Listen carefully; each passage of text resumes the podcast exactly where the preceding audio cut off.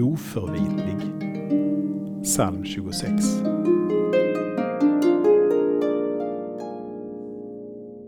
Herre, skaffa mig rätt, ty oförvitligt har jag levat.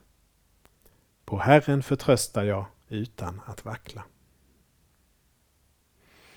Ordet oförvitlig används sällan i modernt språk. Kanske för att det inte är något ideal i dagens samhälle att leva korrekt, obrottsligt och oklanderligt, som ordets synonymer säger. Den som försöker leva efter dessa ideal upptäcker snart att det inte går. Vi tröstar oss ibland med att vi gör så gott vi kan och det är bra gentemot våra medmänniskor eftersom de inte är bättre än vi själva. Men gentemot Gud räcker det inte.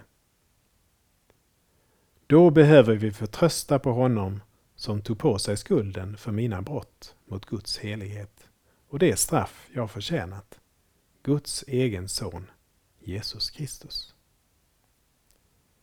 Vi ber. Jesus, tack för att du har skaffat mig rätt genom din död på korset. Tack för att jag får förtrösta på dig. Amen.